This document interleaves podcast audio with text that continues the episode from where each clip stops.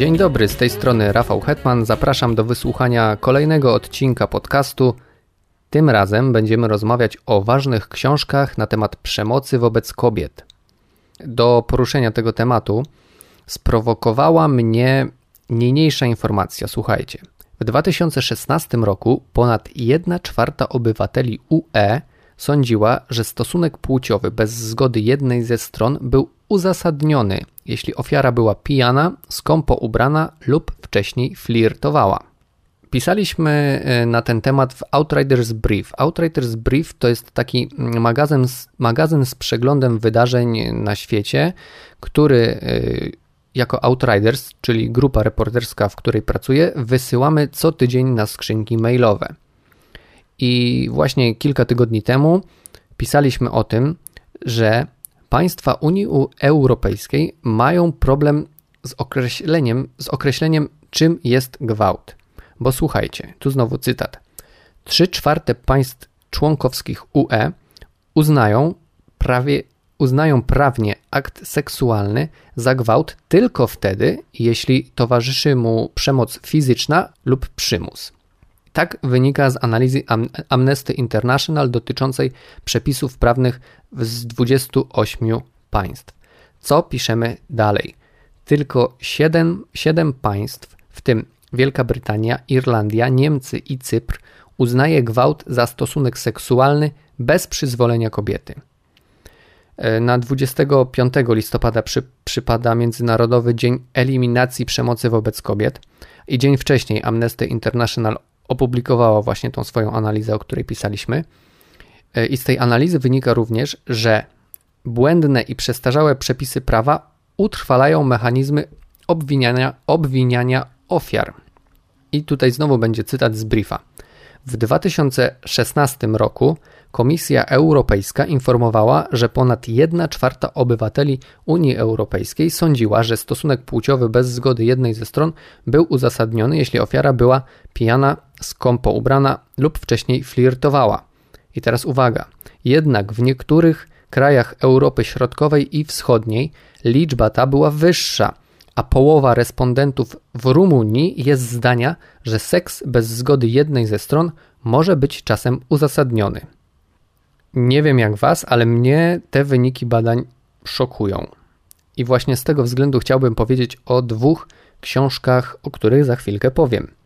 O pierwszej z nich pisałem na blogu już w styczniu 2018 roku, zapowiadając, że to będzie na pewno jedna z najważniejszych książek roku. No i w, w, obliczu tych informacji, które Wam przytoczyłem, jeszcze bardziej chciałbym zaznaczyć, jak ważny problem ten reportaż opisuje.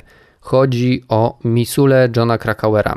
To jest reportaż o przemocy seksualnej. I autor opisuje w nim falę gwałtów, która przetoczyła się przez uniwersyteckie miasteczko Missoula, które leży w stanie Montana. E, nie jest to jednak reportaż kryminalny. W książce Krakauer skupia się na drodze ofiar w dochodzeniu sprawiedliwości, tak to można powiedzieć.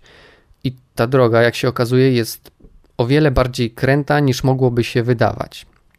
I chociaż, to, to jest ważne, bo chociaż to jest książka o USA, jest to także książka o Unii Europejskiej i o Polsce, bo dowodzą tego właśnie informacje z briefa, które prze, prze, przytoczyłem na samym początku. Stosunek płciowy bez zgody jednej ze stron był uzasadniony, uzasadniony jeśli ofiara była pijana, skąpo ubrana lub wcześniej flirtowała. To, to zdanie, które e, już wcześniej cytowałem, świetnie definiuje jakby część problemu opisywanego w Misuli, bo tylko część. Bo książka Krakauera mm, przedstawia dużo, dużo większe spektrum, spektrum problemów, z którymi spotykają się ofiary gwałtów.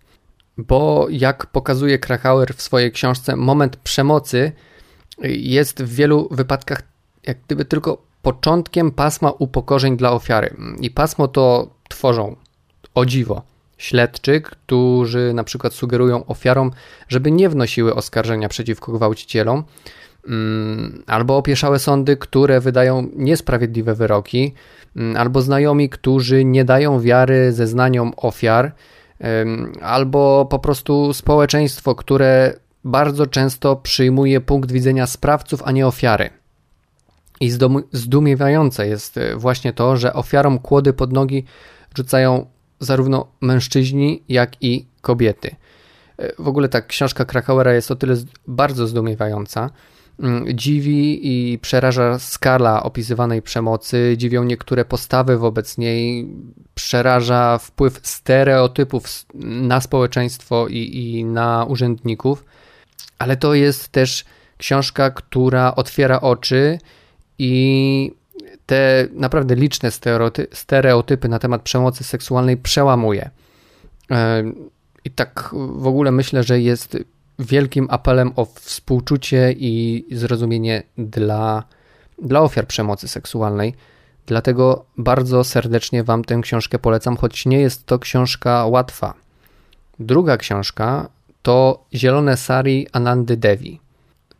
Też jest książka o przemocy, nie tylko seksualnej, ale w dużej mierze też o przemocy psychicznej. Mm, z tym, że to jest powieść, to nie jest książka non-fiction. I ta książka jest ciekawa z tego względu, że opowiada o przemocy z perspektywy sprawcy, a nie ofiary. Sprawcy, który nawet kiedy kona i wspomina całe swoje życie, nie jest zdolny do refleksji nad swoim zachowaniem.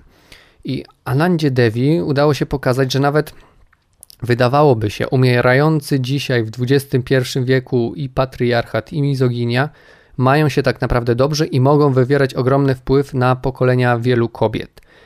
Polecam Wam przeczytać tę książkę, bo poza wszystkim, mm, poza problemem społecznym, który, który porusza, jest e, ciekawie napisana. Znajdziecie w tej książce kilka interesujących warstw. Od tej takiej najbardziej widocznej, czyli doty dotyczącej przemocy, przez warstwę psychologiczną postaci, ich wzajemne relacje, do warstwy społeczno-politycznej dotyczącej historii Mauritiusa. A jeśli chodzi o książki trochę starsze, to również w tym kontekście poleciłbym Wam książkę pod tytułem Mokradełko autorstwa Katarzyny Surmiak-Domańskiej. To też jest bardzo mocna i przejmująca książka, więc jeżeli temat Was interesuje, możecie po nią sięgnąć. A już naprawdę na koniec chciałbym Was odesłać do jednego z odcinków podcastu Literackiej Kawki, gdzie prowadząca opowiada o książkach i o komiksie, które poruszają temat przemocy wobec kobiet.